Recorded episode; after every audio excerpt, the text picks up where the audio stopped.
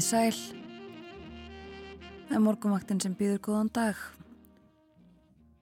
Við upphafnýrar vinnuviku eins og þölur gatum. Það er mánudagur í dag, 27. júni og klukkuna vantar tæpar nýju mínútur í sjö. Og það eru vera Ítlaðadóttir og Þórun Elisabeth Bóadóttir sem verða með okkur til klukka nýju.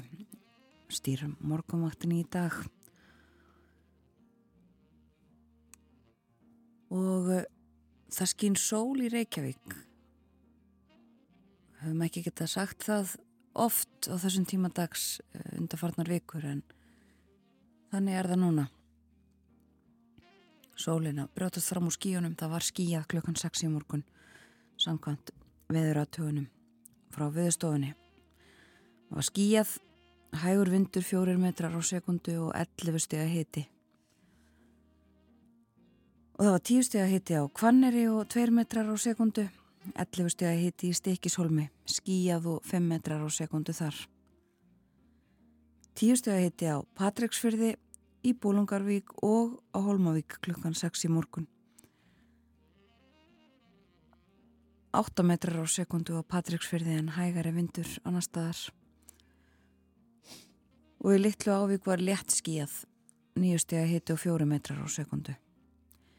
12 steg að hitti á Blöndósi og Hægur vindur, 9 steg að hitti við Söðanesvita, nánast lokk þar. Líka nánast lokkn á Akureyri, 1 metra á sekundu og létt skíjað, 8 steg að hitti. Og 10 steg að hitti og lokkn á Húsavík. 9 steg að hitti og 3 metrar á sekundu á Revorhöfn, 12 steg að hitti á Skeltingstöðum og 1 metri á sekundu.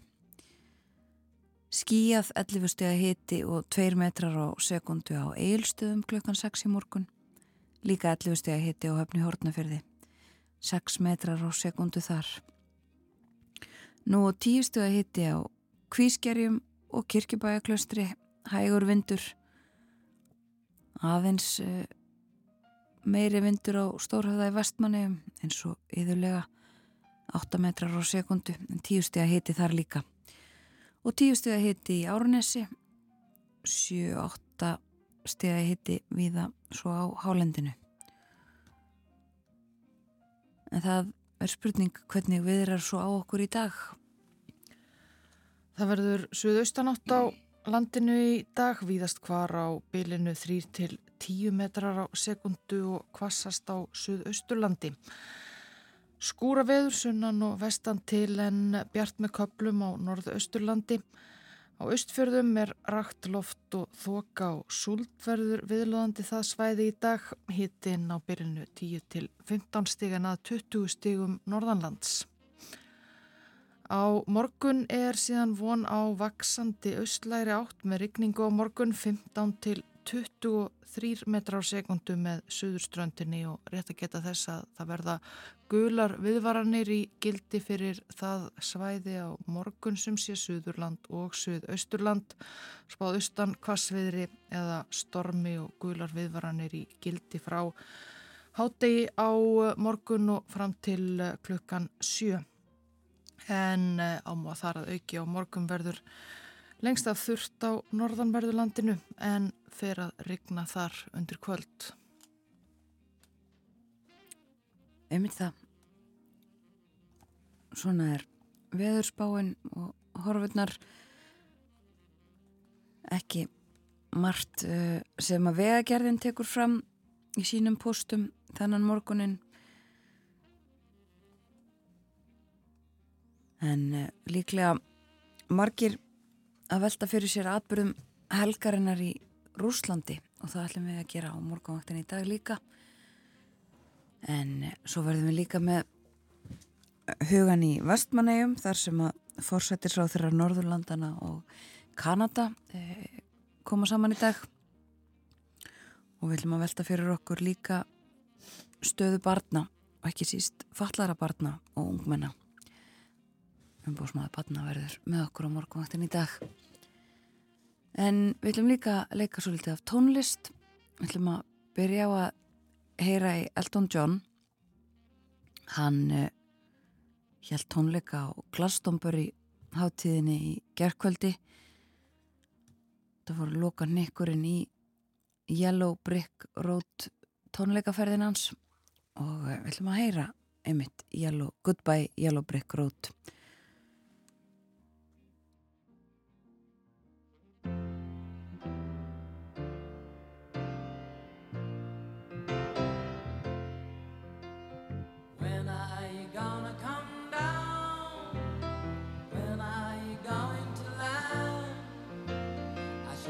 stayed on the phone.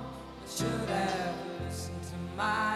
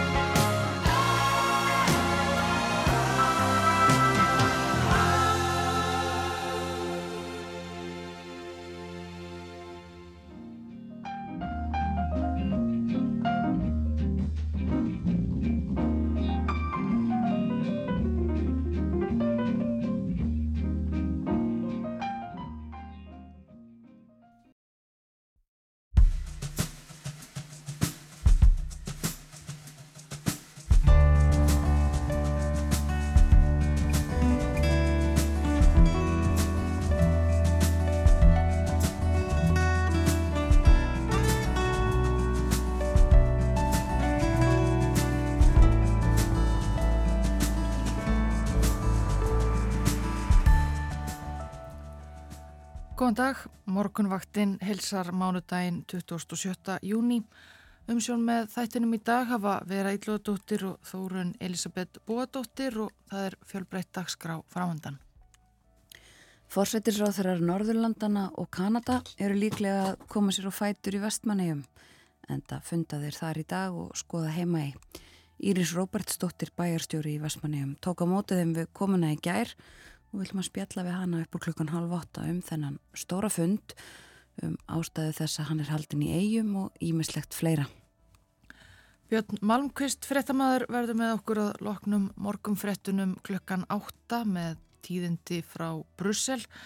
Atbyrðir helgarinnar í Rúslandi eru líklega ofarlega í hugamarkra þar og við ræðum þau mál. Það er hins vegar líka margt um annað að vera í Evrópumálunum sem að Björn segir okkur frá að morgun frettum loknum. Og í síðasta hlutu þáttarins verður hjá okkur Salfur Nordal umbóðsmaður barna. Við erum að ræða um stöðu og réttindi barna og ekki síst fallara barna. Umbóðsmaður sendi bref til menta og barnamálar á þeirra á dögunum um fræðslu skildu og rétt barna til að hefja nám við hæfi í framhaldsskólum en það við borðum á því að uh, börn og ungmenni fá ekki skólavist á lóknum uh, grunnskóla. Salfur fer yfir þetta með okkur og fleira upp úr klokkan halv nýju. Og uh, við fylgjum svo þetta með frettum og lítum í blöðin, innlend og erlend og leikum svo litið af tónlist. Allt uh, með hefbundum hætti á morgunvaktin í dag. Það er kannski ekki mjög hefbundið að uh, þurfa að nefna gula veður viðvörun í lók júni. Það er uh, búið að gefa út viðvaranir á Suðurlandi og Suðausturlandi á morgun vegna hvasviðris eða storms. Tekur gild á hádegi og gildir til klukkan 7 annarkvöld. Annars uh, er veðurspáin þannig að það er suðaustanátt á landin í dag viðast hvar á bylunni 3 til 10 metrar á sekundu kvassast á suðausturlandi og skúra veður sunnan og vestan til en bjart með köplum á norðausturlandi. Á austfjörðum er rakt loft og þoka og súlt verði viðlóðandi það svæði í dag. Hittinn 10 til 15 stig en að 20 stigum norðanlands.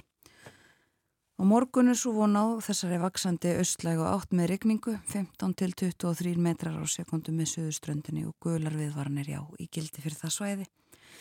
Lengst af á morgun hins vegar þurft á norðanverðu landinu en fyrir að regna undir kvöld þar. Það er svo regning með köplum á miðvíkudag og vestlæg átt. Hitin 10 til 16 stig. Hiti breytist svo lítið á 5. dag og 1. dag svipað veður Vestlægða breytilega átt skúrir og regning í öllum eða flestum landslutum. Væta víða um land á laugardag og svo er útlitt fyrir ákveðna norðanátt, regningu og kólnandi veður næsta sunnudag. Þá verður komin júli.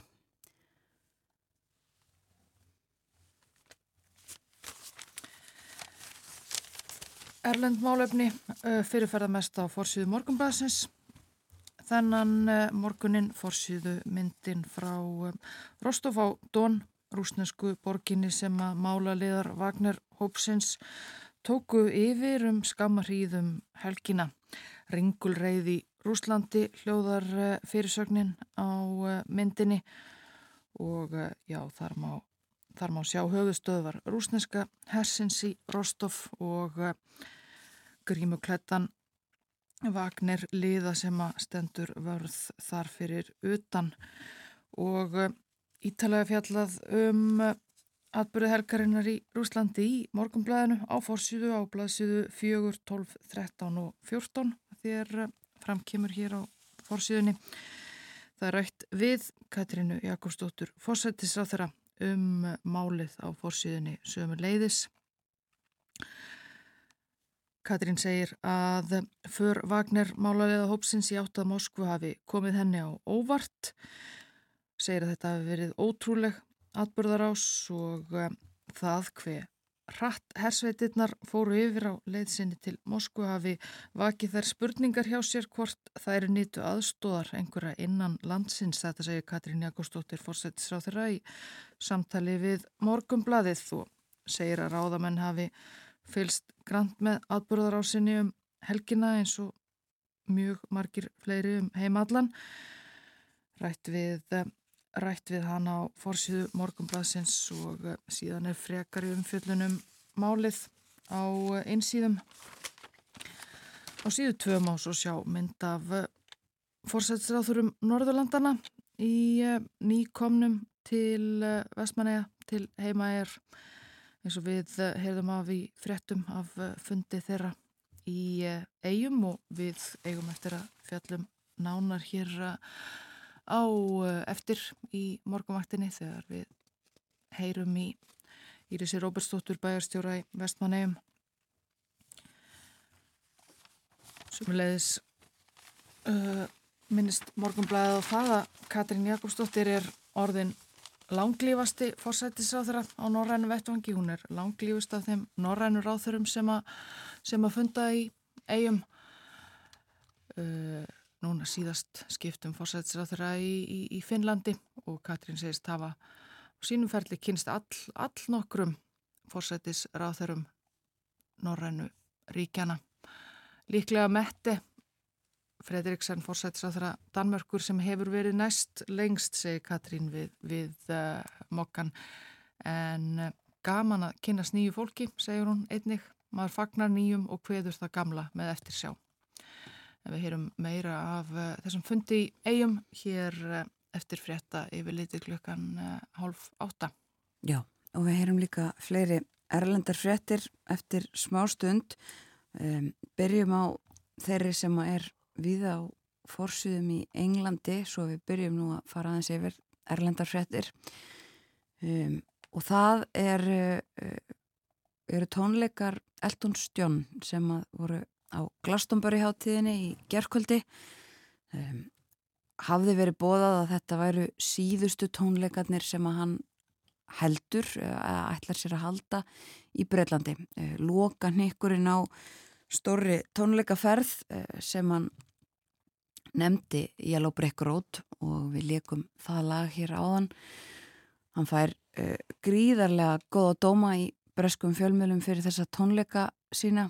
Um, hann slefti því, segir í einum dómnum að spila einhver svona fara, fara djúft í, í katalógin í, í laugin sín hann spilaði bara vinsalt lag eftir vinsalt lag eftir vinsalt lag og uh, stærsti hluti um, tónleikana uh, voru lög frá 8. áratug síðustu aldar og uh, þessi tímalausu lög er talað um hér spilum annað lag með Elton John þetta heitir Don't Let the Sun Go Down on Me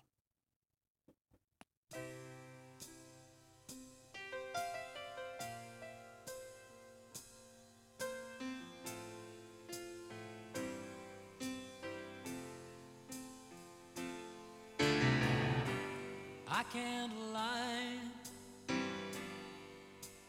No more of your darkness.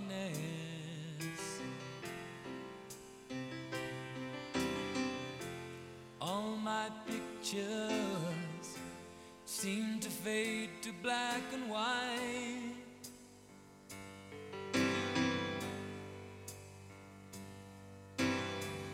I'm growing tired, and time stands still before me.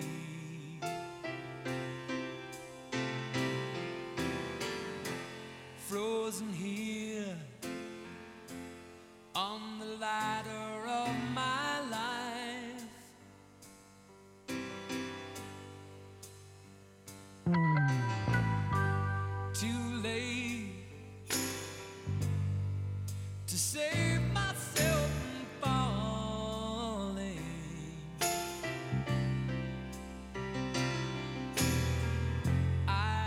chance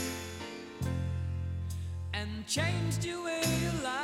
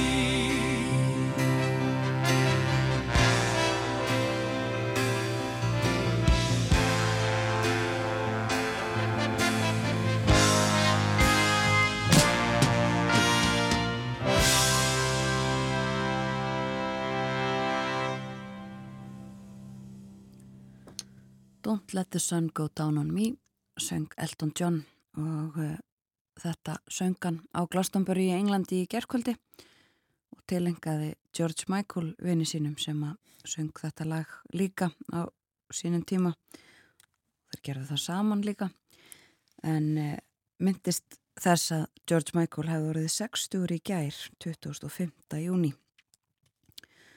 hefði hann lifað en hann lést hins vegar á jóladag árið 2016 og Elton John já þakkaði aðdáðundum sínum fyrir að uh, hafa komið og uh, staðið lengi á Glastonbury hátíðinni. Hann uh, saði þetta erfitt og svona miklar tilfinningar í spilinu en það ætti þetta að vera, að það gæti verið síðustu tónleikarnir hans í Breitlandi hann hafði sem sagt gefið það út að það væri væri þannig, hann ætlaði að hætta að koma fram en uh, minnst á það í nokkrum dómum um þessa tónleika að hann hafi jú sagt það uh, nokkur sinnum áður að hann hegðist hætta en, en uh, svo komið tilbaka, haldið áfram. En við sjáum hvað setur. Allavega um, mikil umfyllunum þessa tónleika Elton John um, í ennskum fjölmjölum í dag. Og gerðkvöldi líka uh, og þá veit ekki bara við um hann það var fjöldin allur af tónlistafólki sem kom fram á, á hátíðinni.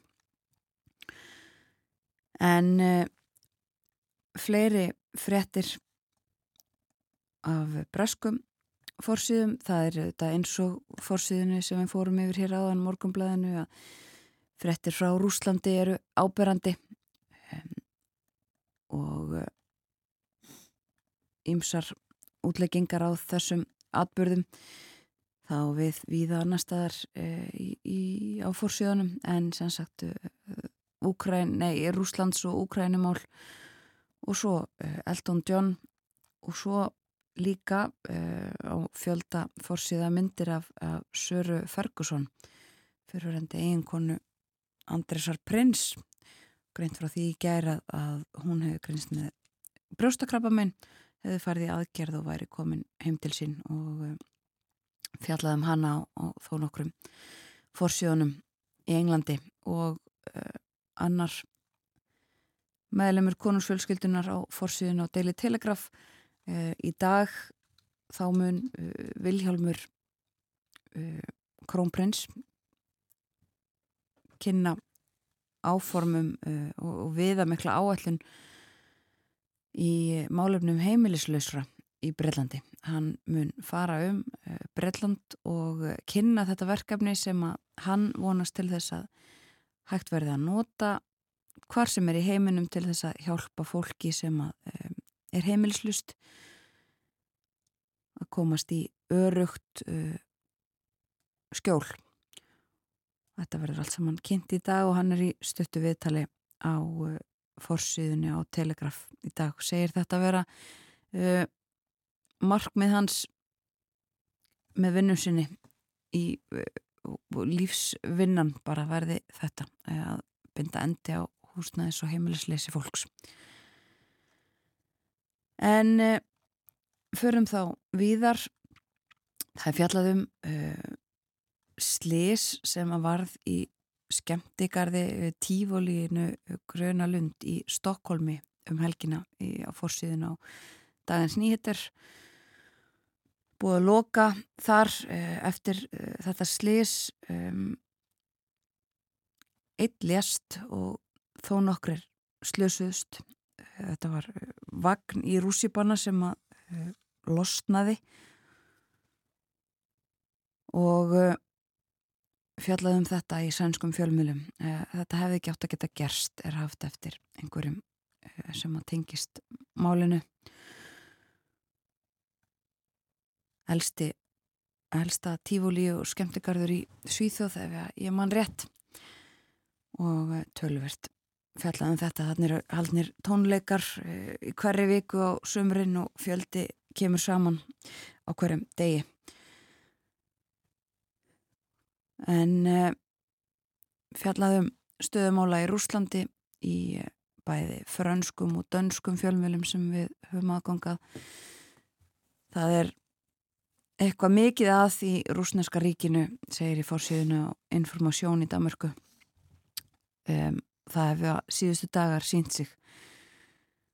Óróin í landinu er langt frá því að vera uh, yfir staðinn og, uh, og fórsíðun á politíken líka fjallaðum þessi mál. Uh, Mórall uh, liðsandi meðal rúsneskra hermana verður fyrir miklu áfalli með þessu og á meðan að þetta hvetur úkrænska hermenn til dáða segir í undir fyrirsögn og nú hljóta rúsneskir hermenn að spyrja sig til hvers erum við að þessu? Hvað er það sem við erum að berjast um og berjast fyrir. En við ræðum nánarum evrópsk málefni hér á eftir uh, og þar með talið stöðuna í Rúslandi vegna Úkrænu. Þetta litar auðvitað öll alþjóðasamskipti. Þessi mál. Hér á eftir ræðum við þetta við Björn Malmqvist Frettamann í Brussel. Það nefna eitt hér að lokum. Eh, við hefum sagt frá eh, kostningum Gríklandi og þær voru í gær. Íhaldsflokkurinn Gríski fekk 40% greittra atkvaða í þingkostningunum sem voru haldnar í gær. Þetta er uh, stór sigur og uh, tryggir þeim hreinan meiruluta.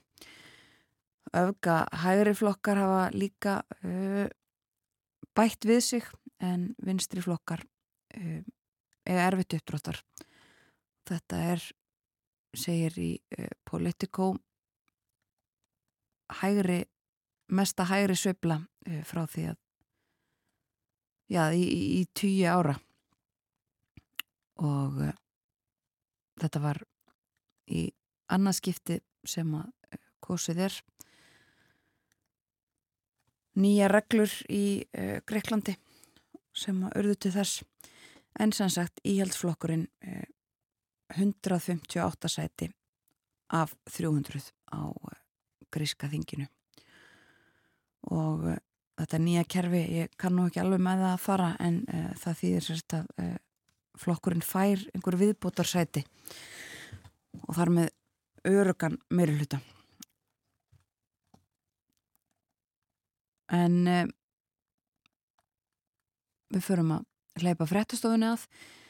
Það kemur yfirleitt morgunfrétta á slæginu halv átta. Þegar því er lókið þá ætlum við að ræða við Írisi Róbertsdóttur, bæjarstjóra í Vesmanni.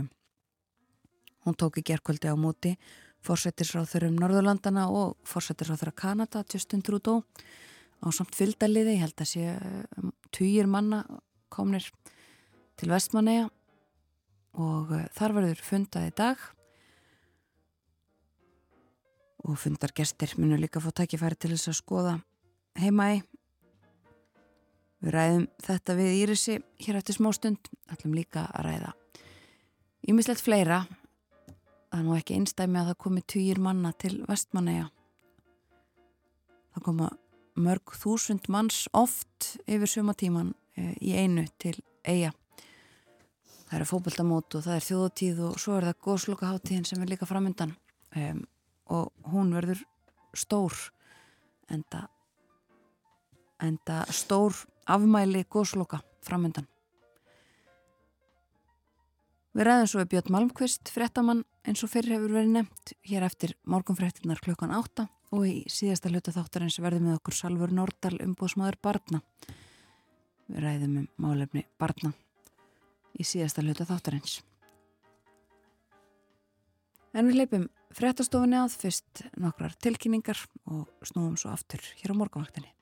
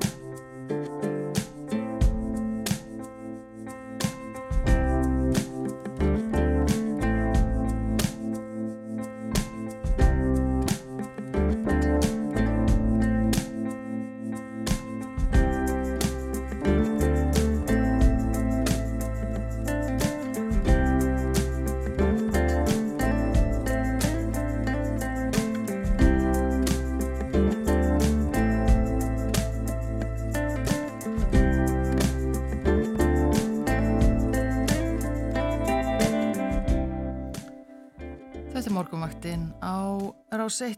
Það er mánudags morgun klukkan eh, liðlega hálf átta, 27. júni í dag.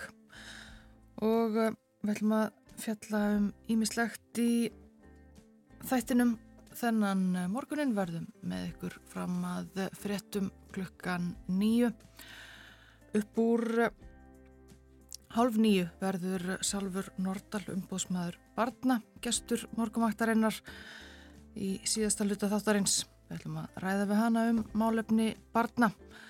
Ekki síst fatlaðara barna sem ekki fá yngöngu í skóla eins og fjallað hefur verið um í eh, fréttum nýverið. Salfur Nordal verður með okkur upp úr eh, hálf nýju. Að loknum morgumfréttunum klukkan átta þá heyrum við í Birni Malmqvist, frettamanni í Brussel. Tíðindi helgarinnar frá eh, Rúslandi verða þar til umfyllunar meðal annars. Þau eru þetta hugleikin eh, í búum Brussel eins og eh, fólki víða um heim og annað sem að er að fretta úr Evrópumálum. Ætlar Björn að segja okkur frá að morgun frettum loknum en eh, núna næsta, næstu mínuturnar ætlum við að eh, vera í vestmanni. Já, við ætlum að vera þar í huganum en þar eru þó í raun og veru uh, fórsættirsáþurar allra Norðurlandana og fórsættirsáþurar Kanada. Þau komið þangað í gerðkvöldi og funda þar í dag og í símanum hjá okkur er Íris Róbersdóttir bæjarstjóri í Vestmanni. Kontur sæl, Íris. Kvöldu sæl og góðan dag. Góðan dag. Um, það er stór dagur framöndan. Já, þetta er, já við erum allavega rosalega ánað að þessi sumafundur skulle vera haldinn hér og það er náttúrulega þessu ákveðna tilefni að hér eru 50 ár síðan góðsinu laug og þetta er svona fundarefnið er þetta viðnám samfélag og það var náttúrulega, það þurfti nú aldrei viðnám til þess að byggja aftur hér upp eftir góðs. Þannig að Þetta var, hérna við vorum mjög ánægt með Katrínu þegar hún lagði þetta til og þetta er búið að vera mjög áhugavert sem að vera.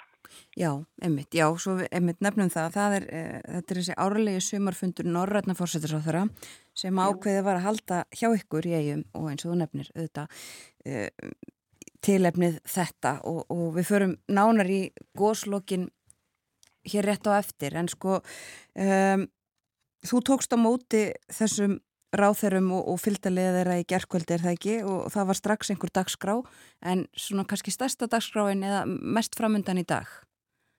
Já, þau komu hérna bara í kringum kvöldmataleiti í gerð og það var, já, það var svona aðeins kíkt á eigarnar, voru tvílega fundur hérna hjá okkur í gerð og svo er, var uh, farið út að borða og svo var farið í stuttarsiklingu.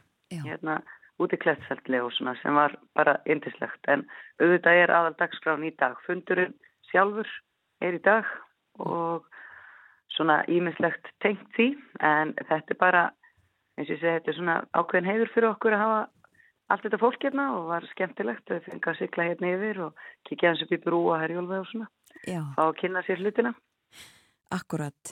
Já, skemmtilegt fyrir ykkur þetta, uh, sko, hver er aðkoma ykkar að þessu? Hversu mikið uh, hafið þið verið að, verið að undirbúa og hjálpa til? Já, við í rauninni bara aðstofum og það hefur verið ráðhúsokka sem er nýjum kjert.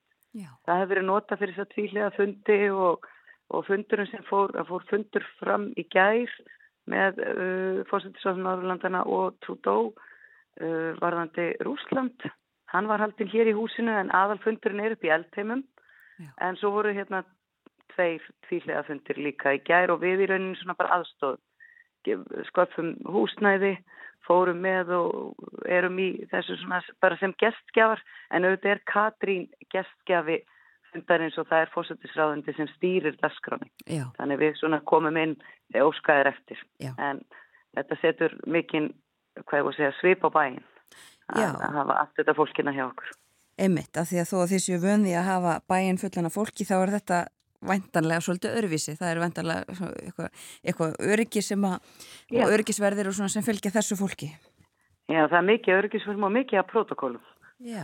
Þannig að þetta er alveg, er, þetta þarf alltaf að vera eftir bókinni en þetta er öðruvísi og bara mjög ánægilegt, þetta er í annað skipti sem að kemur svona hvað ég voru að segja, svona, svona stór viðbörð, við tókum á móti Þískalandsfósita hérna líka 2019 yeah. þetta er svona, þá var það örgiskesla og svona hlutir sem við kannski hérna á Íslandi erum ekki, það eru þessar undarfara nefndir og það er þetta ég meina, gríðilega mikil örgiskesla kringum Þískalandsfósita var sprengjuleit og allavega svona við, við erum svolítið öðruvísi Íslandika í þessum, þessum málum en, en þetta er bara samt ofsalega áhugavert og skemmtilegt og gaman að hitta allt þetta fólk sem er afskaplega indælt. Já, já, það er gott. Já, og þú sagðir á þann, hér er áþúrsunni þú ert mætt í vinnuna og, og þetta er allt sem mann bara fara af stað. Já, þetta er að fara af stað. En aðalfundurinn verður upp í eldheimum, það eru hérna litlir fundir núna hérna eitthvað sem, það sem að einhverju aðlar er að undirbúa bara daginn mm -hmm. en annars er bara, er þetta haldið í eldheimum sem er vel til fundið. Já. Einmitt og það eru þetta hægt að kynna sér og, og læra um þessa sögu, sögu gossin sem er eins og þú nefndir ja. Eh, ástæða þess að fundurinn er haldinn hjá ykkur. Já. Já. Og þannig að þau funda þar í dag og, og, og skoða sér svo um um, fara þau svo heim setni Já, þau fara, heim, þau fara heim um miðjan dag eiginlega og það er svona stutt aðtöpp svona, hvað ég voru að segja, þar sem við munum þakka Norðurlandunum fyrir þeirra aðkomu að öllu hér. Bara strax eftir gos. Það er mikið hér, bara margt hérna í Vestmanni sem Norðurlandin komi að í uppbyggingu og annað. Það voru tölverða peningagjafir sem komi frá Norðurlandunum til Íslenska ríkisins og okkar til þess að byggja hér upp. Já. þannig að það verður svona örlí til aðtöfn svona upp úr hátegispill í dag í tengslu með það. Akkurat. en annars bara er þetta eins og ég segi í allt í höndum Katrínas og fósittisröðansins þessi stýring á þessu öllu. Emmitt. Og við heyrum mæntanlega af þessum fundum og, og niðurstöðum þeirra síðar í dag en uh, það er svo skamt stóra högg á milli hjá ykkur. Það er, uh, það er bara næsta stóra fókbaltamótur það ekki framöndan svo fjöldi fólks á leðinni til ykkar um, um næstu helgi eða kannski bara strax í næstu daga? Það er bara að bara byrja að koma á morgun og hinn. Sko móti byrjar á fymtudaginn og það, er smá tíma til að koma, koma sér yfir og svo leiðs en það er, já, þannig að það verður rosalega líflegt hjá okkur um helgina 1500 drengir og að minnstakosti svona 2000 fóreldrar með, þannig að við fáum reglulega svona, hvað ég var að segja það fjölgar reglulega mjög mikið hjá okkur yfir, yfir sumatíman Akkurat, og það er búið að vera eitt svona stort mót hjá stelpunum, er það já. ekki? Jú? Stelpunum voru fyrir rúmri viku síðan, já, mótin eru jafnstór Þau eru jafnstór stelpumótu hefur að vera að stækka undanferðin ár og það er reyni gistingin sem gerir það verkum að við getum ekki stækkað mótin. Þannig að Já. þetta verður stundum svona að komast færi að þeim vilja. Þetta er, þetta er ævintýri. Það er ævintýri og upplifin að koma til Vestmanni, þetta er svona ég segi þetta sé næst tí að fara til útlanda. Þú þarfst að koma annarkort með flugveilega skipi yfir og það bara svona, já, það er þessi stemming það er endur ekkit vegabrjöf eða gjaldirir en það er allt annað sem kemur.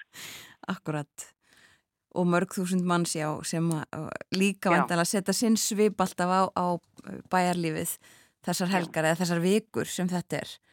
Já. en það eru svo að strákarnir sem eru væntanlegir uh, og svo, já kannski bara skarast þetta á því að halda líka heljarinnar góðslokaháttíð og hún er alveg heila viku eða hvað? Já, hún byrjar núna, venjulega erum við með góðslokaháttíðina sem eina helgi, Já. en núna í tilöfna þessu 50 árum þá byrjar hún á mánudeginum þriðja sem er góðslokadagurinn mm -hmm.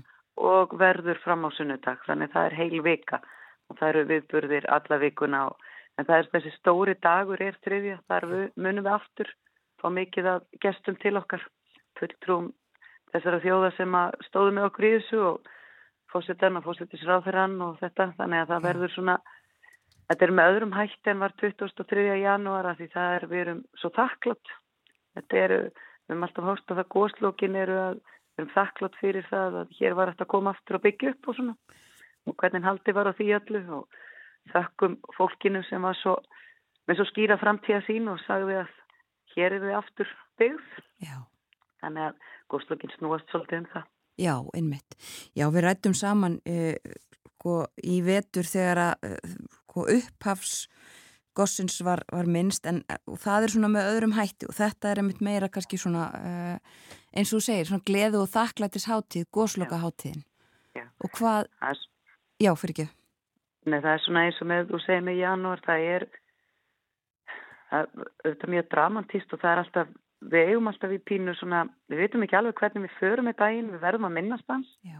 en það er alltaf mjög lástemt og svona því að þetta veru auðvitað þetta var auðvitað gríðalegt áfall, ekki bara fyrir fólki sem hér bjó heldur líka bara íslensku þjóðina og maður heyri það þegar verður að ræða svona við fólkið og fylgdaliðin hérna í gæra það eru mjög margir sem að muna eftir þessu ég rætti við hér, hér norska fósildisráðfyrir og hann sagði það að hann man vel eftir síðan, hann var 13 ára, hann man eftir því þegar var verið að ræða gósið heima hjá hann eftir að það fer, fer að staða því þetta er náttúrulega reysa stór, sko náttúrulega einna stæðstu viðburðunum hérna á Íslandi sem hefur gerst á þessu tímafili en líka Erlendis að því að þetta kom við okkur, rosamörg, sérstaklega á Norðurlandunum. Já, akkurat og þegar við alveg fundið það.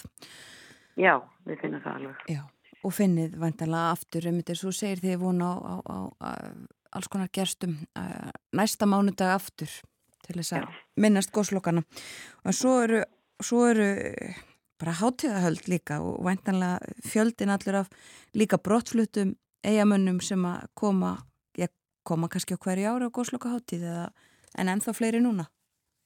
Já, ég á vona ennþá fleirum. Það er alltaf mörgtúsund mann sem kemur á þessa hátíð og ég vona enn fleirum núna. Mm -hmm. að því hún líka dreifist og viðbyrni dreifast þannig að þú hefur sigrum til að koma meirinn helgina sko.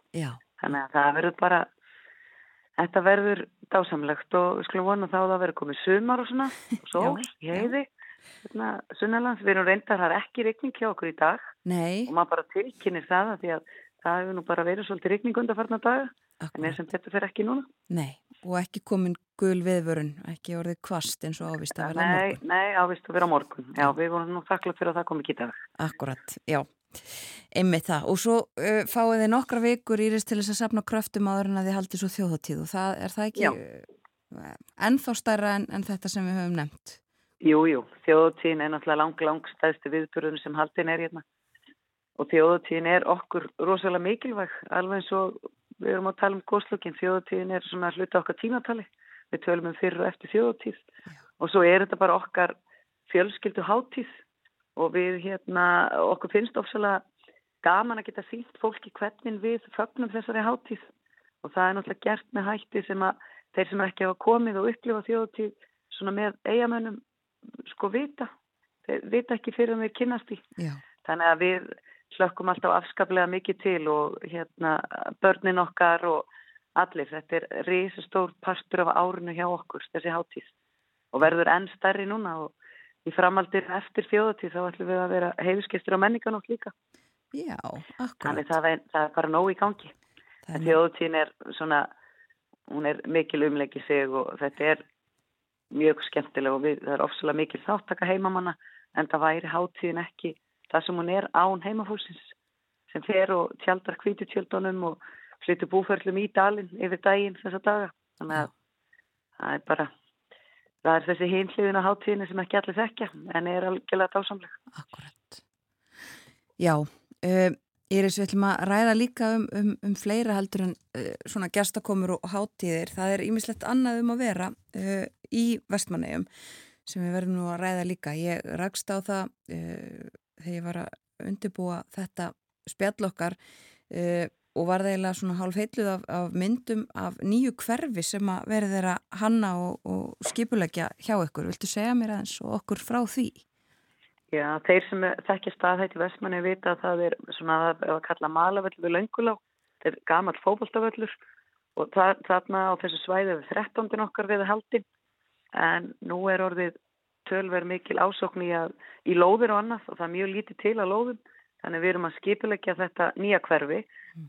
og það voru við óskuðum eftir svona bara tillögum frá hennunateimum og bæjastjórn var að velja Trípoli arkitekta til þess að hanna þetta hverfi og með það í huga að við séum með eh, blandaða íbúðabygg og það verða líka hagstæðar íbúður fyrir fyrstu kaupendur en líka einbílishús og þetta eru svona í nokkrum kjörnum eins og þú séð á myndinni. Mm -hmm. Þannig að það er þessi svona grænu svæði og vist, svona vistgötur í miðjunni og þannig að það verður búið til svolítið svona hverfi úr uh, hverjum kjarnar, svona lítil hverfi inn í hverfinu og svo náttúrulega gerum við ráð fyrir því að, að sé hægt að reysa nýja leikskóla tengt þessu. Þannig að þetta er gríðarlega spennandi og það hefur ekki verið farið í svona verkefni hér áður þar sem við tökum svona heilt hverfi og það sé gert á grunni með svona heilstæðum hætti. Einmitt. Þannig að þetta verður bara ofsalega spennandi verkefni og er búið að vera gaman að fylgjast með þessu ferli. Já, og sko hvenar gerir þið ráð fyrir að, að þetta svona farið af stað? við bara, það, það er náttúrulega alltaf að vanda til í þessum skiptasmálum en þetta er bara komið á fullt Já. og við bara vonumst til sem fyrst er búið að það þarf að klára að vinna deiliskeipulagið eftir hugmyndunum mm. Og svo bara um leið og það er klárt og þá verður bara haldið áfram og við væntilega auðvilsum lóðir og auðvilsum eftir aðilum kannski sem vilja koma. Já. Það væri þetta gott að verða að taka þetta í einu lægi, sko einn aðili en það er hægt áfangaskiptisu ef að þess gerist törf. Já. En þetta er bara Það er mjög margt skemmtilegt í gangi og fyrir utan það að þó að sé ekki sumar, þá er sumar í hjartanu hjá okkur og við hérna, þetta er eitt skemmtilegt tíma ásins hjá okkur hérna, þannig að það er kama. Akkurat. Já og, og sko hvernig uh, eru húsnæðismálinn þarna fyrir utan, er, er skortur á húsnæði og hefur verið? Já, við erum bara örgláð svip, svipum stað og annar stað með það. Það Já. er mjög lítið, það er nánast selstað sem kemur á sölu og hér er samt búið að byggja alveg gríðarlega mikið undarfari og búið að vera þjætta hverfin hjá okkur og sérstaklega vestu frá þar sem hefur komið hérna, þar sem golvöllurinn er og þar, Já, út á Hamri. Og þar er búið, er búið að rýsa tölvist mikið húsum á reit sem átt eftir að uh, byggja á. En það er bara eins og ég segi, það eru bara örfár lóðir til, sérstaklega einbilis og rátusalóðir það er mikil ásókn í þær. Þannig að núna bara verðum að fara að stíga næstu skref svo að við getum haldið hérna áfram af því það er mikil uppbygging líka í tengslum við, það er risastórt landeldisverkefni sem er komið vel á veg og framkvæmdir hafnar við Einmitt. og því mun fylgja mikið af fólki. Já. Þannig að við þurfum að undirbú okkur undir það, það skiptir miklu máli. Já. Er það svona það helsta sem þú getur nefnt okkur í, í atvinnumólum Já, það er svona, það eru náttúrulega þessi stóru sjárundisfyrirtæki sem eru hérna, eru alltaf að byggja og bæta hjá sér, en þetta er svona nýja stóra verkefnið og þetta er staðsta einstaka framkvæmdaleifi sem Sveitafélagið hefur gefið út, sem er þarna í viðlagafjöru, mm -hmm. en svo er líka rosalegu vöxtur í ferðarþjónustunni. Já. Og það eru ma mjög margir spennandi þættir í gangi þar og mikið hugur í hjá því fólki sem stýrir þeim málum hér hjá okkur í ferðarmálusamtökunum og það er ofsalega gaman að fylgjast með því hvað fólk er döglegt og tilbúið og svona. Þetta við viljum að fólk finni að það sé gaman að heimsækja okkur og þau eru svo sannlega að vinna að því fólki sem starfar í þeirri deilt. Já, og hvað þetta er, sko, veistu hvað þetta eru margir sem eru að koma til ykkar til dæmis í sumar, ferðamenn? Ég kannski áttam ekki alveg á sumrun en herjólfur er, þetta eru kringum 400.000 farstegar sem Já. er að koma með herjólfi og það er, sko, við erum miklu minni hluta af því að við heldum og þannig að ég myndi segja að væri svona kannski 70%, 70 sem eru ekki vestmannengar sem eru að ferðast með honum þannig að Akkurat. þetta eru alltaf einhverju hundruð þúsundar sem koma hérna Eitt. og þessar helgar sem vorum að nefna á þann þá erum við náttúrulega bara að tala um Íslandingana Já. en það er líka gríðalega mikið náttúrulega erlendum aðilum sem koma og svo er alltaf orðin ábúslega fjölkun í skemmtifæraskipunum og þeir eru náttúrulega líka hérna þeir farþegar þannig að það er alltaf ansi líflegt við skulum alltaf að segja það Einmitt.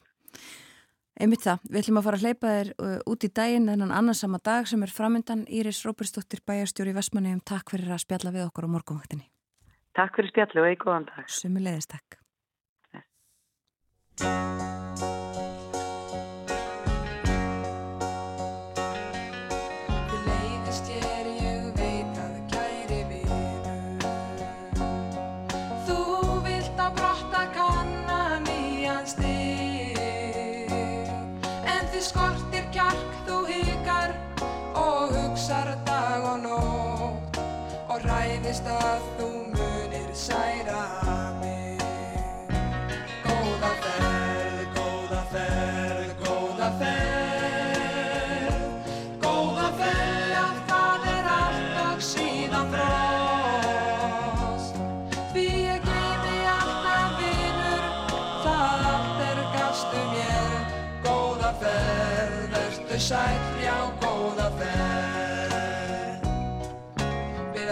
Saman indislega stund.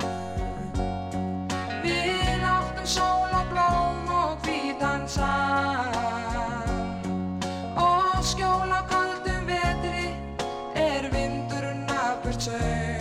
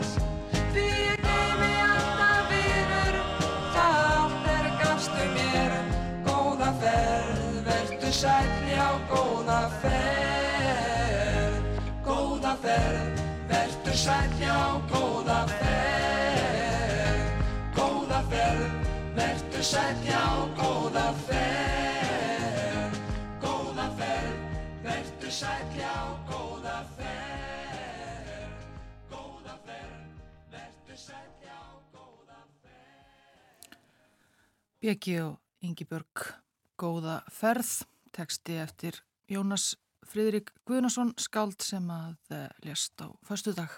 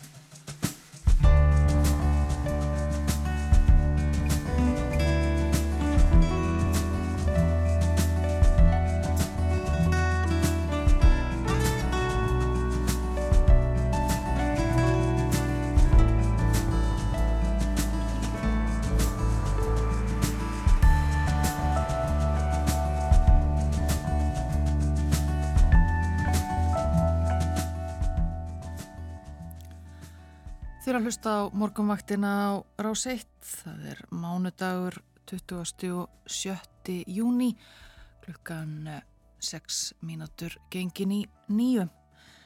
Morgun frettinnar að baki og eh, við erum komin í samband við eh, Brussel. Þar er Björn Malmqvist frettamæður. Góðið sæl Björn. Góðan daginn. Góðan daginn. Eh, Þetta var ekki tíðenda lítil helgi á alþjóða vettvangi. Nei, það má segja það. Þetta, það var hansi það var ansi hérna mikið um að vera aðalega í í Rúslandi eins og fólk hefur svo fólk veit sem að fylgst hefur með fréttum um, síðustu sólarhingana að síðan á fórstæðin og, og aðalega á lögadagin og svona eftir leikurinn af þessu er einhvern veginn óviss en þessu sem veit enginn hvað er, er að gerast akkurat núna en, en, en, en sko eins og, sko og framöfu komið í fréttum þá náttúrulega svona fór þetta svona af alvöru fyrir af stað áfastu daginn þegar málaliðar Wagner Hópsinn sem er undir stjórn mann sem heitir Prigozhin lögðu undir sig eh, já, allavega svona mikilvæga sko, stjórnstöð rústinska hersins í Rostov sem er borg rétt austan við uh, landamæri Úkræðinu og í rauninni alla borgina og uh, hann hótaði síðan að og sendi síðan menn af stað áleiðist til Moskvu uh, og, og var snimhendis sagaður um landráð af engum öðrum en Vladimir Putin fórsetta Rúslands uh, síðan svona einhvern veginn virðist þetta hafa, já kannski ekki fjarað út en svona það var svona einhver niðurstað sem að fegst í þetta þannig að, þannig að hann hætti við að senda mennina til Moskvu og fekk sakaruppgjöf bara svona daginn eftir og, og segist hafa farið eða verið á leðinni til Belarus Uh, en það er svo sem veit enginn hvað þetta maður er, príkósin uh, núna. Nei, og veit enginn heldur það nokkuð einlega hvað Vladimir Putin er, svona nákvæmlega Nei, hann hefur ekki, nei, hann hefur ekki sérst síðan á lögadagsmorgun þar sem hann kom fram í, í sjónvarpi og var mjög harð orður gagvart príkósin og Wagner málaliðanum, sagaði þá beinlínis um landráð. Uh, og það sem er svolítið skrítið við þetta sko að, að veist, innan við sólaring og kannski bara halvun sólarheng eftir að Putin let þessi orð falla frammi fyrir alþjóð þá var búið að setla málið og, og þeir eru lausir allra mála og verð ekki saksóttir og príkosinn fer í mögulega í útlegð eða hvað veit maður og hérna kannski verður allt saman eitthvað leikrið, það bara veit enginn. Nei, akkurat, nei það veit enginn og, og enginn leiði einlega komast komast að því, uh, en einmitt sko hann fyrir kannski í útlegð en, en þetta eru mörg þúsund uh, málalegar sem hafa verið að hjálpa rússum og uh, vitum við ja, hvað verður um þá alla? Halda þeir bara áfram að berjast fyrir rússa eða? Já, það er náttúrulega mjög góð spurning. Það er talið að það svona, séu í kringum 25.000 manns í þessum málalega sveitum príkosins sem hafa verið að störfum eða svo má kalla í, í Rúslandi, fyrir ekki í Júkrænu eh, undanfarnar mánuði, þeir náttúrulega voru henni leikil hlutverki í, í, í bardaganum um, um, um, um litla bæin Bakhmut sem að, sem er, sem að, sem að hernaði sér fræðingar hafa bent á að skipti litlu máli svona strategíst séð en En, en þótti mikilvægur til þess að, að rúsa getur þú allavega sagt að þeir eru sigrað einhver staðar. Þeir hafa líka verið með mannskap í Sýrlandi og í, og í, og í, hérna, í Afríkuríkjum uh, sem hefur verið svona rúsnenskum stjórnvöldum mjög þóknarlegt að því að þá hafa þeir geta sagt að, að veist, rúsnesk stjórnvöldi er ekki með herliðar en, en, en eru það samt sem áður, svona, uh, getu, geta svona neitað í.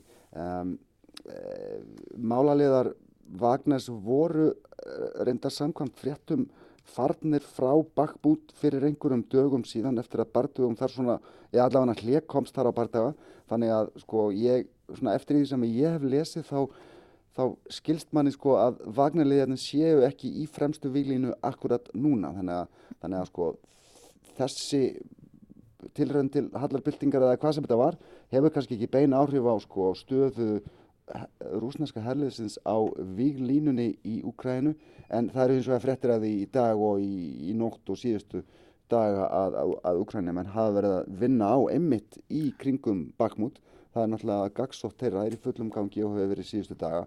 En, en hvernig þetta, hvað árið þetta hefur, hefur á hernaðin í Ukrænu er bara mjög, held ég að sé bara mjög erfitt að segja til um nema kannski eins og sumir hafa spekulerað um að að þessir atbyrðir í Rúslandi hafi áhrif á sko vilja almennra rúsneskra hermana til að berjast eh, fyrir málstæðin uh, í Ukrænu það er svo sem sem veit engin ég, ég, sko, ég hef eins og að mýkjanning eins og að þú að, að sko Príkosín hafi í rauninni ekki, sko hann hefði hef sendt hermenn og málarlega til, til Moskvu ekki til að steipa Putin af stóli heldur til þess að steipa vartamálaráþarunum af stóli, Sergio Sjóku sem að honum hefur verið mjög uppsigað við á undanförnum vikum og mánuðum og hann verið ekkert farið í felur með þá anstöðu sína. Eh, Sjóku, Sjóku verist eins og að vera fastur í sessi, allavega hvað var þar, sko, þá byrti rúsneska vartamálaráðundi af honum myndband í morgun þar sem hann sést heimsækja hermenn að því er sagt er uh, nálagt výstuðunum í Ukrænu þannig að þannig að Príkosin hefur mögulega ekki orðið það fyrir ósk sinni að, að, að, að Putin losa sig við sem sagt varnamálaráðarann. Hvað þetta þýðir allt saman, ég meina hver veit. Einmitt að það er erfitt að segja en uh, hvað segja uh, vestrænir ráðamenn? Sko, uh, Antoni Blinken, auðvitaðrikiðsáþur að bandaríkjana, hann var í viðtali á CBS sjómanstöðunni í gær Face the Nation sem er svona umræðar þáttur uh, svona eins og silrið uh, við skulum heyra örstuðt klipp úr honum hvað hann sæði þar um, um í rauninni það sem er gerðist 16 months ago Russian forces were on the doorstep of Kiev in Ukraine uh, believing they would take the capital in a matter of days and erase the country from, from the map as an independent country. Now what we've seen is um, Russia having to defend Moscow, its capital, against mercenaries of its own making. Já, eins og Blinkan sagði, sko, það er svona eitt og halvt ár síðan að herlið rúsa var við borgamörk Kiev og held að það myndi leggjum þessi borgina og stróka Úkrænu út af kortinu sem sjálfstætti ríki. Núna þurfa þær að verja Moskvu gegn rúsneskum málarliðum sem er auðvitað bara störtlað sko, að þetta hafi gerst. Eh, þannig að veist eins og Blinken benti á sko, þannig að það eru sko mjög svona miklar grundvallar spurningar sem að vakna við þessa atbyrði um bara stöðu Pútins, um, um stöðu stjórnkerfisins í, í Rúslandi. Það eru á lofti kenningar meira sig um það að sko, Pútin hafi í rauninni, sko, í rauninni ekkert verið sko, sá sem að tók þessa ákverðin um að, um að hérna, í rauninni sleppa príkosín. Það hefur einhverjir aðrir gert það Þetta, og það eru svona uppi kenningar um, um valdaklíkur í Moskvu sem, a, sem að eru einhvern veginn að takast á og, og hérna og auðvitað hefur þetta, er hlítur þetta að hafa áhrif á, á stöðu Pútins sem leittóa í núna 23 ár sem hefur alltaf gefið sér út fyrir að vera maðurinn sem tryggir stöðuleika, öryggi og endurreist Rúslands sem, sem ef ekki heimsveldist þá allavega stórveldis. Og þetta hefur kannski verið svolítið línan hjá vestrænum ráðamönnum og vestrænum fjölmilum en við skulum heldur ekki gleyma því að, að það er sko allsendis óvíst að rúsneskur almenningur lítir svona á þetta því að þeir fá sín skilabóð úr rúsneskum fjölmilum sem eru nánast allir með tölu undir stjórn uh, sagt, uh, rúsneskra stjórnvalda í Kreml og taka bara línuna þaðan og þar hefur línan verið síðastu, síða, síðasta svona sólarringin að, að, að, að Putin hafi með styrk sínum og kensku afstýrt blóðbæði sem að hérna, hefði getur orðið ef að Príkosin hefði farið að leið. Þannig að þetta sé í rauninni honum að þakka, Putin að þakka að það hafi ekki farið verð. Hins vegar þá sko þá hafa eins og við höfum rægt sko vestrænir leittóar bent á einmitt þessi áhrif sem að þetta geti haft á Putin. Joseph Borrell, hann er utarrikismálastjóri Európusambandsins, hann var að koma núna rétt áðan á fund utarrikisáþara aðaldaríki ESB í Luxemburg. Tjáðu þessi örlítið um Rúsland, það verður vantilega mjög mikið talað um það, uh, þessa stöðu þarna á þessum fundi í Luxemburg í dag. Við skulum heyra örstuðt hvað Borrell hafði að segja. And I think that it's more important than ever to continue supporting Ukraine because what has happened during this weekend shows that uh, the win against Ukraine is cracking Russian power and affecting its political system. Það er mikilvægt að halda áfram að styðja Úkrænu, saði Borrell, því atbyrður helgarinn að sína stríði rúsa gegn Úkrænu er að hafa áhrif á stöður Úslands og stjórnkerfið þar í, í landi sem er alveg rétt. Uh, bara hversu, hver þau áhrif verða og hvað gerist á næstu dögum og vikum er bara reynilega, sko, held ég, ómögulegt að, að, að tala um. Sko. Já, einmitt. Uh, Úkræn og Rúsland, er það aðalmálið á, á, á dagskráð þessa fundar í Luxemburg í dag? Það var náttúrulega aðalmálið að dagskrána, ég held að verði bara um fátt annað talað heldur en það. Það, er, það, eru, það, er, sérst, það eru núna, það er nýbúið að samþykja 11. pakka refsi og þingunar aðgerða gegn, gegn Rúslandi það er svona í þeim pakka er svolítið mikið verið að svona þjætta þær aðgerðir sem að hafa þegar verið gerðar svona að reyna að svona minka og, og svona stoppa í götin sem að, sem að mögulega hafa myndast til dæmis hvað var það sko flutning á ólíu til og sérst frá Rúslandi eða sérst sölu á ólíu frá Rúslandi það eru, það, það eru aðgerði gegn, um, gegn sagt, fyrirtækjum og aðilum og, og, einstaklingum sem að, sem að stunda svona upplýsinga, óreiðu, eða að segja árásir gegn sagt, uh, almenningi á Vesturlöndum. Það, það er alls konar svona litli hluti sem að hafa kannski svolítið fallið milli, milli skips og bryggju uh, í þessum tíu pökkum sem að hafa nú þegar verið samþektir síðan í, síðan í februari í fyrra. En það er líka sko þétti dagskrá hjá ráþurarráðinu og ráþurum og ráþurum af öllu tægi hjá aðeldaríkjunum fram eftir vikunni þangar til á fymtudag og förstudag þá nefnilega leituafundur í SB. Þar verður Ukræna að sjálfsögðu á dagskrá sem og efnaðasmál, uh, málefni flóttafólks og, og hælist leitenda þannig að nýbúða ráþæraráðinu nýbúða að móta sér afstöðu gagvart tilögum sem að hafa verið í, í vinslu núna í einn þrjú ár hjá framkvæmta stjórninni um að svona samræma skipulag og móttöku og meðferð flóttafólks á landamærum Európusambandsins og Schengen að sjálfsögðu. Þetta var samþygt á fundi í Luxemburg í hvað þar síðustu viku og fer núna í þrýhliða viðræður frangotastjórnar uh, leittóðaráðsins og, um, og, og Európa Þingsins og verður vantanlega að lögum einhver tíman, um, uh, einhver tíman á næsta ári. Sennilega og kannski mögulega fyrir sagt, kostningarnar til Európa Þingsins sem verða ef ég man rétt í mæ á næsta ári. Já, einmitt. En, Svo uh, náttúrulega það sem er að gerast líka er að sko núna, bara, bara núna um mánagamótin er að svíjar er að hætta formensku í, í, í leittóðaræðinu og spánverjar er að taka við. Einmitt, það eru þessi skipti sem að verða, uh, hvert ríki er með hálft ár í einu. Uh, vitum við eitthvað um, um, um áherslunar hjá spánverjunum, hvað er alltaf að setja í, í fókus? Sko þeir hafa ekki gefið neitt svona formlega út um það svona eh, annað en einhver drög sem að, sem að byrtust nýlega. Það verður, þeir átt að tala búa mikið um sko eh, svona, hvað ég segja, nýja, nýja yðinvæðingu innan ESB. Eh, þeir svona virðast vera að svona, svona stefna að einhverju svona sem að hefur kannski verið að gerast á undanförnum misserum síðan í COVID og kannski fyrir COVID að það er þetta svona þetta frákvarf frá alþjóðavæðingu sem við höfum verið að sjá svona kannski það er að myndast einhverjar, það er að myndast aftur einhverjar svona viðskipta blokkir, við erum að horfa á aukna spennu í samskiptum kínverja og bandaríkjana uh, líka eitthvað sko, á milli kín, kínverja og Evrópusambandsins. Eh, heimsviðskipti hafa náttúrulega lungum verið mjög stórt þema í alþjóðapolitikinni hjá ESB en, en það verðist kannski vera svolítið að breytast og, og snúast aftur upp í einhvers konar svona, ég segi ekki merkantilisma en, en, en svona og ekki, og, og þú veist alls ekki einingurinn heikju en svona kannski aðeins í áttina að því og, og það er til dæmis eitt af því sem að, sem að spánverjar munu uh, svolítið leggja áherslu á.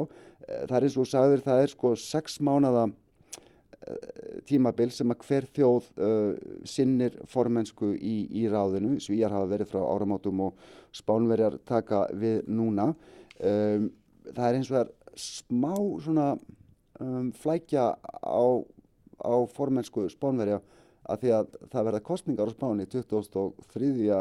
júli þar að sé eftir rétt tæpan mánuð. Hugo Sánchez fórsettisráður að bóða þetta þeirra í kjölfar þess að flokkur hans tapaði í sveitastjórnarkostningum í mæ. Uh, þannig að þessar kostningar á spánum verða í rauninni þrem vikum eftir að spánum verða að taka við formennskunni Sant, og Sánchez getur svo sem alveg mist vinnuna af því, því að hans flokkur er í rauninni ekki á toppi skoðanakannana. Það er, það er sérst, svona miðju hægri flokkur sem að, sem að stendur þar betur. Uh, það er svona mögulegt að Sanchez hafi verið að búa til kostningana vegna þess að það var auka hægri flokkur á spáni sem að vann á í þessum sveitastjórnarkostningum og hann vil kannski benda fólki á að, að ef að, að, að semst, miðju hægri flokkurinn nær völdum þá getur þeir mögulega farið í samstarf við einhverju auka hægri menn til dæmis eins og hefur gæst í uh, hvað, um, Finnlandi til dæmis Já. og uh, svona, þannig að veist, hann vilji í rauninni sko, já, sína fólki fram á það og, og vinna þannig sem fylgi aftur. Þetta hefur kannski eh, svona valdið smá áhugjum hér í Brussela því að þetta Þetta formensku tímabil Spánveri er síðasta heila, heila formensku tímabilið fyrir kostningarnar til þingsins næsta vor. Það er að segja Európa þingsins og það stendur til að klára hímislegt en, en svona politist rót á Spáni geti haft áhrif. Hann átti að halda ræðan hans Sanchez í Európa þinginu 13. júli þar sem að það er svona hefbundið að, að leituar inn þess ríki sem að teku við halda svona stefnuræðu í þinginu Akkurat. en hann hefur ákveðið að fresta fyrir ræðu. Já. Og við ætlum að fresta því líka björn við skulum eiga það inni að ræða um ríkin sem að svo taka við uh, næst á eftir Já. spánverjum en það er um nóg að tala þar. Við ætlum eins var að því við erum búin að lofa því að að ræða þeins um uh, fund ráþæraráðus eftir í Lichtenstein. Það er það að hefist í dag eða einhvern tíma næstu daga? Hvernig er þetta aftur? Nei, það er hefist í dag. Við mitt sáðum frá því fréttum klukkan 8 núna áðan að, að sérst, ráþæraráð eftir er á fundi núna, eða, sko er að mæta til fundar í Lichtenstein og það er svona kannski svolítið sögulegu fundur að því að þar verður gerður og verður staðfestur frívæslanarsamningur við Moldófu Já. sem er náttúrulega ríkið þarna á landamærum Rúmeníu og Úkrænu og er svona hálf setið af rússum. Það er þarna smá svæði í Moldófu sem að, sem að, sem að er það sem að rússar eru með herlið og er að reynda að hafa mikil áhrif þarna. Moldófa er eins og er á ræðri leið í vestur átt, svo má segja. Ekki landfræðilega, heldur kannski politist og eins og framhefur náttúrulega komið marg oft. Þegar Moldófa er umsóknaríki hefur stöðu umsóknaríkis í í, í, í semst, ESB og, og, og þannig að það er kannski spurning sko, það kannski spyr sig einhver af hverju er verið að gera frívæslarumsamningu við ríki sem er á leiðinu í ESB jú vegna þess að það tekur örglega nokkur ár að, að, fyrir þau að ganga formlega inn í sambandið. Uh, EFTA, uh, sérst, ríkjunum í EFTA, Íslandi, Líktenstein, Noregi og Sviss finnst mikilvægt að, að, að svona, gera sig áfram gildandi á alltíða vettvangi. Þetta hefur svona geopolítiska þýðingu, tákgræna líka, það er verið að svona treysta enn bönd Moldófu í vesturátt. Og það er líka verðt að minnast á það að það verður líka tala við uh, ráþeira frá Kiev, hann verður á, á videosíma frá, eða summi frá, frá Kiev og þá að tala um að uppfæra viðskipta frívæslarumsamningin við Úkrænu sem var gerðið 2010 og hefur svona þykir þurfa að endur nýja. Það verður líka talað um uh, frívæslarnum viðræður við Indland, þar hafa staðið við viðræður í mörg, mörg, mörg ár en svona lítið gengið aðalega út af svona vandræðum með, með hérna, hvað heitir það, copyright issues. Nú, Já, svona höfundaréttar. Já, höfundaréttamál. Og þannig að það geti verið einhver reyfing á því líka. Þannig að eftir, þú veist, lifir góðu lífi og það líka má segja það að þótt að, sko, þótt að Moldova gangin í, í, í sko, ESB, þá náttúrulega stendur sko, samningurinn við Sviss óhaggaður vegna þess að Sviss er ju ekki í ESB heldur stendur eitt og sér eins og, eins og margótt hefur komið fram. Já. En náraðum þetta kannski fréttum í dag og við segjum líka kannski fréttum frá því hvað gerist á þessum fundi utaríkisáþara ESB sem núna stendur yfir í, í Luxemburg. Einmitt, já, við hægt að fylgjast með því eh, og þarna verður eh, Þórtís Kolbrún Reykjörg Gilvardóttir fyrir hönd Íslands í Lichtenstein. Við komumst ekki Hún- lengra. Já, hún verður þar. Já, Hún akkurat. verður þar. Við komumst ekki lengra í dag en heyrum með mitt örugla frá þér uh, þegar líður á daginn í fréttum. Takk fyrir Björn Malmqvist. Takk fyrir það. Og við leipum fréttastofunni að með yfirleitt morgun frétta. Svo verður hér með okkur Salfur Nordal um búsmaður batna.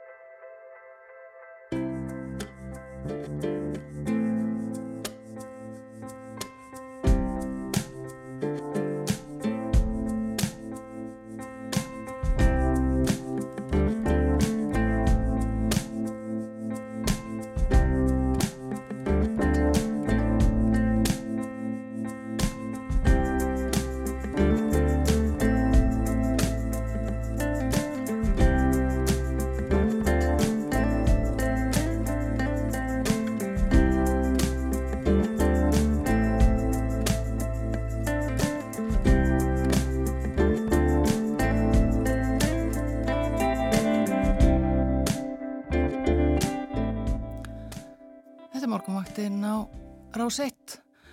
Klukkan orðin hálf nýju og við erum að sykla inn í síðasta hluta þáttarins verðum með okkur fram til klukkan nýju. En skulum hlýða á eitt uh, mánudags lag áður en að lengra er haldið.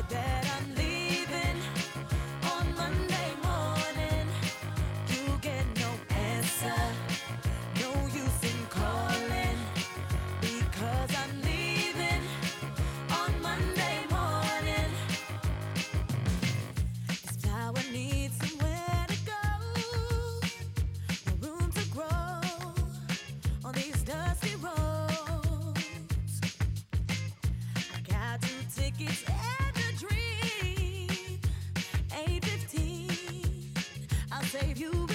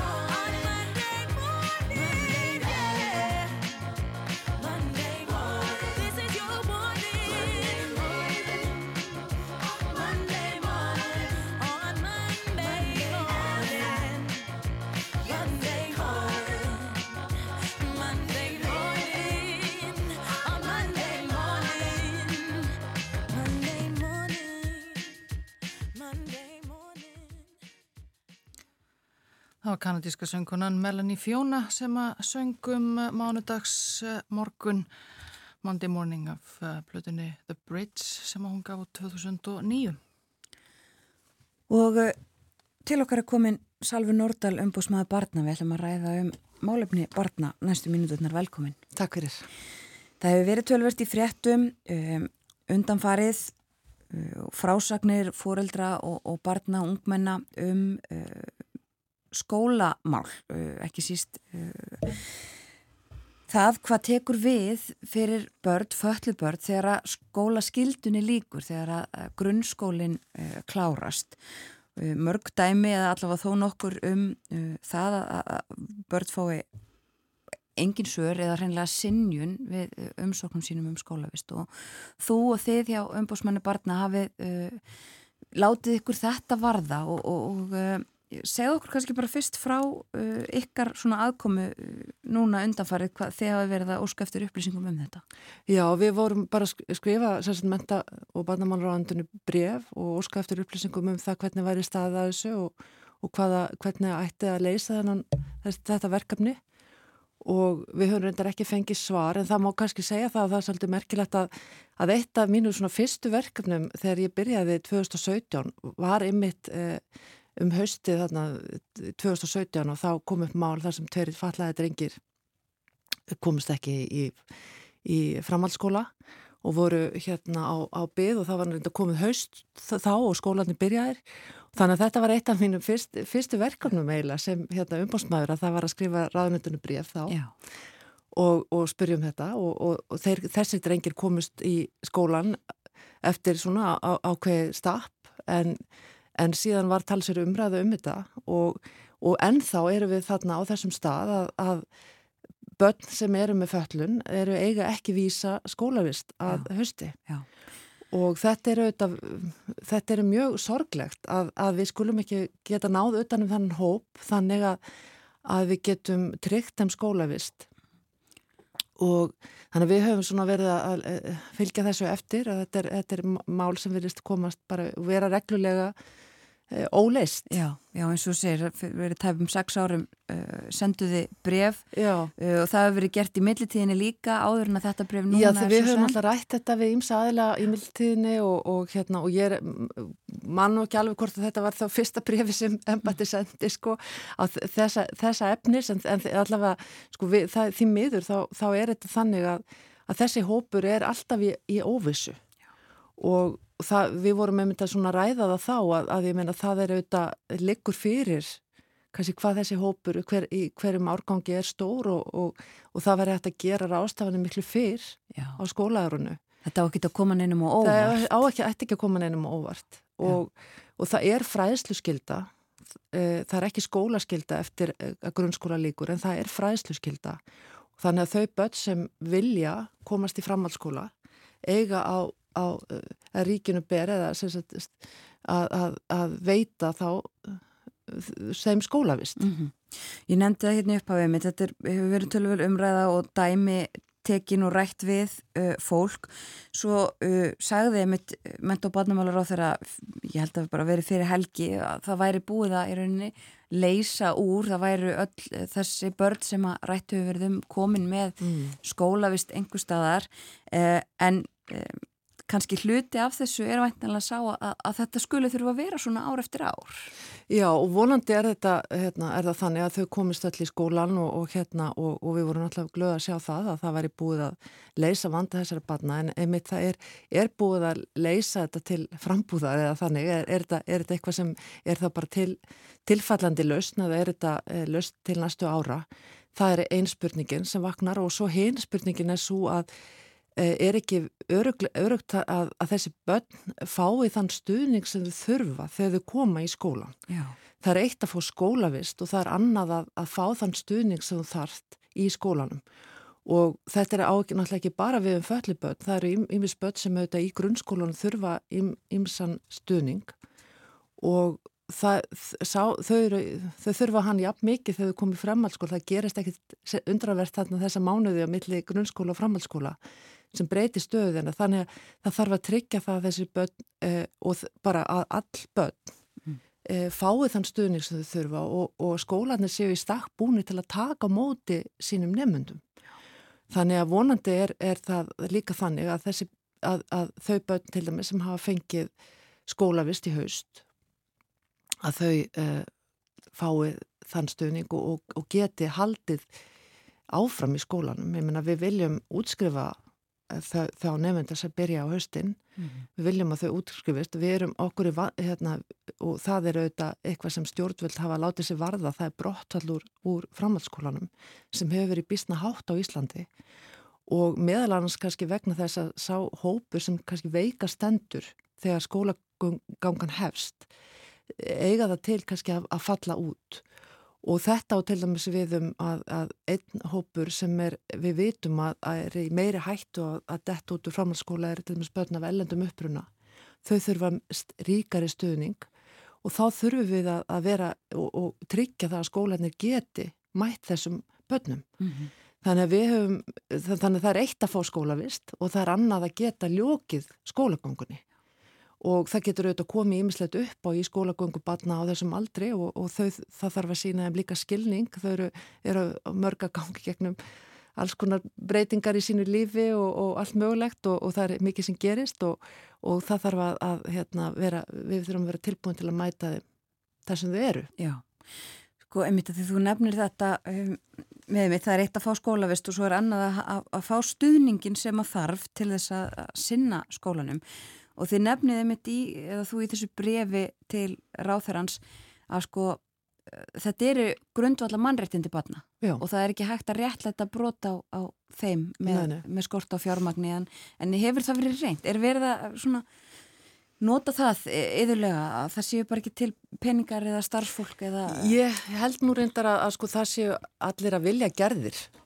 sko í sem sagt allavega svona e, e, mm. þegar við ræðum þessi mál e, spurningin er bara svo hvort að við, hvort að það er, er raunverulega er, sko e, raunverulegar aðstæður Já. fyrir hendi. Og, og, það, og mentun er auðvitað stort atriði þegar við kemur að, að, að réttindum barna. Að öll börn hafa rétt á mentun og, og þetta er líka mikilvægt líka bara til þess að, að þau standi jáfnfætis, að þau fái þetta sama tækifæri, öll börn og þess vegna eru, leggjum við náttúrulega mikla áherslu á það að, að öll börn hérna, fái sagt, mentun mm. og mhm. fái ekki bara grunnskólamentun, heldur líka framhaldsskólamentun sem er, er mjög mikilvæg í nútíma samfélagi og er svona alveg leikillin að, að, að frekari skólagöngu þannig að og margskonar öðrum tækifærum þannig að og, og, og stjórnvöld eru náttúrulega að fylgjast með því og hafa af því áökjur af til dæmis brottallinu og, og þá verður náttúrulega líka að fylgja svona uh, hugur máli að, að, að við verðum að standa okkur betur Og, og ég er ekki að segja það veist, að, að, að, e, e, að einstakir skólar séu ekki að standa sig eitthvað svoleiðis, heldur bara að það þarf að gera skólanum kleift að vinna þetta verkefni. Já, akkurat. Og eins og við nefndum þá er búið að leysa þetta að svo gráð þeirra e, núna en þið býðið enn eftir svarað við ykkar brefi og fá svona Já. upplýsingar um það kannski stærra samhengi hvernig Já. þessi mál standa. Já, einmitt. En uh, kannski tengist svo litið þessi mál og, og þetta er mitt að, að það er eitt að, að fá inni í skóla og annað að fá aðstóðina sem þarf um, verkefni sem við höfum nú áður rætt hér á morguvaktinni við þig og það eru þessir upplýsingar um byggð barna eftir þjónust og þetta eru þetta líka eitthvað sem kemur reglulega e, í frettir og, og þið eru farin að taka saman alls konar byggðlista e, eftir já, þjónustu, greiningum og, og þjónustu hjá börnum já. og málinn standa verra, verð þar heldur en já, síðast þegar þið mæltið eða hvað? Já, sko, við erum að, núna munum við kalla eftir, eh, strax eftir sumafrí, eftir já. nýjum tölum og, og, og byrta í fjórðarskipti núna í haust og það, því miður þá hefur þetta ekki, það, þetta er viðvarandi vandi og hefur náttúrulega verið vandi mörg, mörg ár og þess vegna fórum við náttúrulega að, að, sapna því svona skipilega saman þannig að þetta lægi fyrir á einum stað, hvernig staðan væri því að þetta kemur auðvitað reglulega upp í fjörmjölum þar sem fóreldrar eru, eru í, lýsa vanda batna sinna og, og, og, og því að þau hafi þurft að býða jável fleirin fleiri ár eftir, eftir að fá greiningar eða, eða annars konar þjónustu sem þau nöðsilega þurfa. En það sem það, þetta náttúrulega líka tengist til dæmis þessu með skólana er það að, að við, við viljum veita snemtanga þjónustu eða sérst vera með snemtaka íhlutun og, og, og alþengi samþykti lög þess mhm. efnis í, fyrir, ég ætla að segja vera tvö ár síðan og og það er mjög mikið vægt og, og, góð, góð, og við vorum alltaf fögnum því að það sé hérna, sett svona fram með skiplegum hætti. En við getum alltaf ekki veitt þessar þjónustu nema hún sé til staðar þegar á, hún, á henni er þörf. Já. og þetta er vandin, það er, það er ekki, það er allt og mikil, mikil byggð og eitt til dæmis hópur sem hérna og er búið að vera alveg árum saman og búið að ræða mikið í fjölmjölum er auðvitað staða varðandi byggð eftir talmennafræðingum Já. sem börn þurfa mjög snemma að, eh, þegar þau eru mjög lítill og því fyrir því betra og, og það getur orðið mjög, mjög erfitt ef, ef það verður, er mikil beigð eftir þeirri þjónustu. Það hefur nú verið e, lofað eða sérst, e, talað um það að það er að e, ráð þeirra rætti það á þingi að það ætti að vera svona miðlagur gagnagrunnur eða þess miðlag skráning á, á þessari byggð en við höfum til dæmis ekki geta fengið upplýsingar um það hvað, hvernig þróunin er þar hvort að það er eitthvað að lagast eða ekki því að það er ekki engar það er enginn sem heldur utanum þær upplýsingar uh, með skipilugum hætti. Já.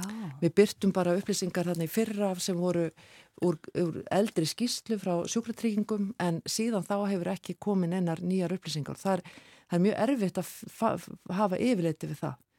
Og, og þetta er vegna, ég menna þetta eru náttúrulega sjálfsta starfandi talmennafræðingar og þeir eru með sína bygglista og það bara, það þarf að, þetta þarf að gera miðlægt og þetta, þetta þyrti einhver að halda utanum. Já og þess vegna höfum við ekki, við til dæmis vitum ekki hvernig þróunin er þar. En það er til dæmis alveg gríðarlega mikilvæg þjónista fyrir börn og, og mjög mikilvægt að þau fá hana um leið og þau þurfa hana að halda. Já, þessi snemtaka íhlutum skiptir máli þar. Sk skiptir gríðarlega miklu Já. máli og, og þess vegna þurfum við svona að, að, að huga þessu að það er eitt að, að tala um að og lýsi við vilja að snemtömgjum eh, stuðningi eða, eða stuðningi í skóla eða, eða annað en, en svo er annað að, að, að veita þjónustuna Já. og hún sé raunverulega til staðar fyrir þau börn sem þurfa á hann að halda. Einmitt. Það er ekki nóg að samþykja lög og, og sína vilja þannig eða, það þarf að fylgja peningur og það þarf að það þarf taka að, þessu. Já, þannig að við, við höfum miklar ágjur af þessum hérna, viðvarandi bílistum sem auðvitað eru búin að eiga sér langarsögu því miður. Og það er þetta að tala um þetta e, fleiri koma niður á fleiri stöðum, það eru sálfræði meðferð eru, já. já, og við, höfum, við höfum, byrtum aðeins mitt líka uh, upplýsingar um það en, en sérst, já, það er ímis þjónusta sem þarna sem er, sem er ekki til staðar allavega ekki nógu fljótt. Og greiningar, alls konar Alls konar greininga, það er, það reyndar að hafa aðeins minga bygglistanir á bugl sem eru annar staður og þetta er, þetta er þjónusta það sem við, að við höfum verið að fylgjast með er, er, þjón, er mjög mikilvæg þjónusta sem já. er mjög nöysileg já, já. og þegar vandin er orðin alvarlegur þannig að þannig, já. já og eins og segir þið farið aftur í það e, með haustunni áskaftur upplýsingum og fylgjast með þessu hafið þið upplifað það að, að þessir, þessar samantæktir ykkar skapi þrýsting? Já, ég held að það, mér hefur vist að þetta eh, skiptir máli og þetta, það er auðvitað gríðarlega mikilvægt að við höfum yfirsýn yfir stöðuna. Mm -hmm. Af því það hefur bara verið yfirleitt svona fréttir af einstökum málum og, og þá e, einhver tilteknum bygglistum með einhverju tiltekinu þjónustu en það er mjög mikilvægt að hafa yfirleitt yfir hana og, og ég hef trú á því að það, að það e, skapi þrýsting og, og hérna og vegna þess að þegar þú sér svona þetta yfirleitt eða þegar þú skoðar þetta á einum stað þá náttúrulega líka uh, verður vandin mjög uh, bersýnilegur eða það blasir við að Já. það þarf að, að, að taka til hendinni. Sannarlega. Salver, þið uh, fáist við þetta og alls konar, þið gerir líka annað sem er kannski skemmtilegra eldur en að þurfa að taka svona saman þessar neikvæðu hluti og það er að þið haldir batnaþing. Mm og þeir eru að undirbúa það núna, er það ekki?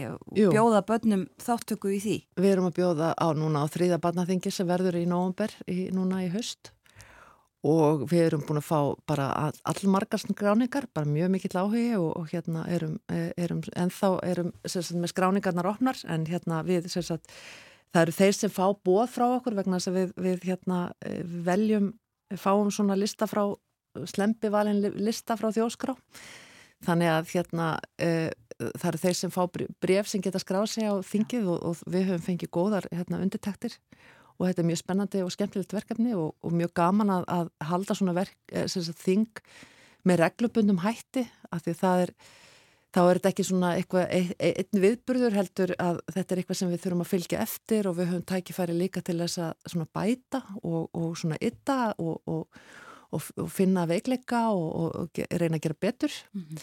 þannig að, að við hlokkum mjög mikið til að, að, að gera að halda okkar næsta barnaþing og við erum um þetta að velta svona fyrir okkur einmitt hvernig við getum unni betur með tilhugurna sem koma Já.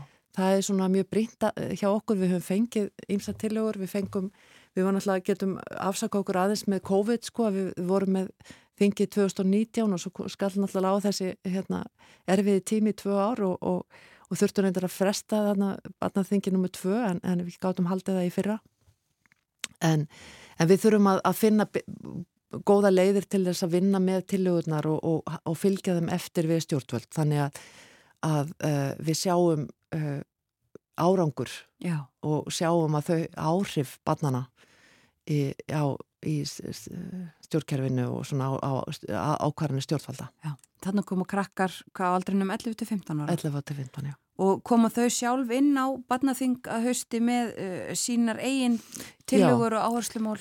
Já, síðast var það þannig að þau, þau voru búin að uh, velja þrjá, þessi hóp, hópurinn sem var að koma við, að því við erum í samskiptu við þau á netinu áður en að barnaþingi kemur, að þá voru þau búin að velja þrjá málaflokkar sem þau ætla að leggja sérstaklega áherslu á og það voru skóla og mentamál og það voru, það voru mannrettindamál og svo voru umhverfismál, þetta eru allt mála, málaflokkar sem eru hugleikni í börnum.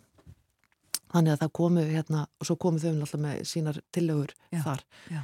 Þannig að við þurfum að, að hérna, við erum svona að, að, að vinna að þessu, að gera þetta öflugri vettvang hverjum, hverju skipti sem við heldum hann. Já, og þarna fáðu tækifæri til þess að ræða líka, er það ekki beint við Já. ráðamenn? Og við höfum verið mjög uh, heppin vegna þess að stjórnvöld hafa sínt þessu mikið áhuga. Það hafa verið hérna, margir þingmenn komið á barnaþingi síðasta og, og ráþurar og það er auðvitað mjög mikið vett að börn finni að þetta séu alvöru vettvangur.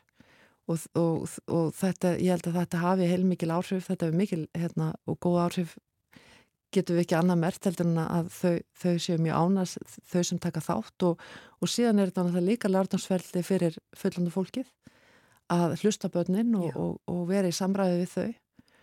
Og við trúum því að þó að kannski sé, við sjáum ekki endilega að það hefur verið, það eru auðvitað ímis mál sem þau hafa haft áhrif á Eh, en þá líka bara þessi óformlegu uh, áhrif sem skipta líka miklu máli.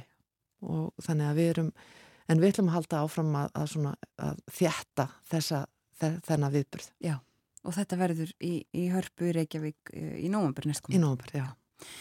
Takk fyrir að koma til okkar á morguvaktina Salvi Nordal, umbúsmaður barna og ræða uh, vitt og breytt, lefum mér að segja um, um málefni barna. Takk fyrir mig.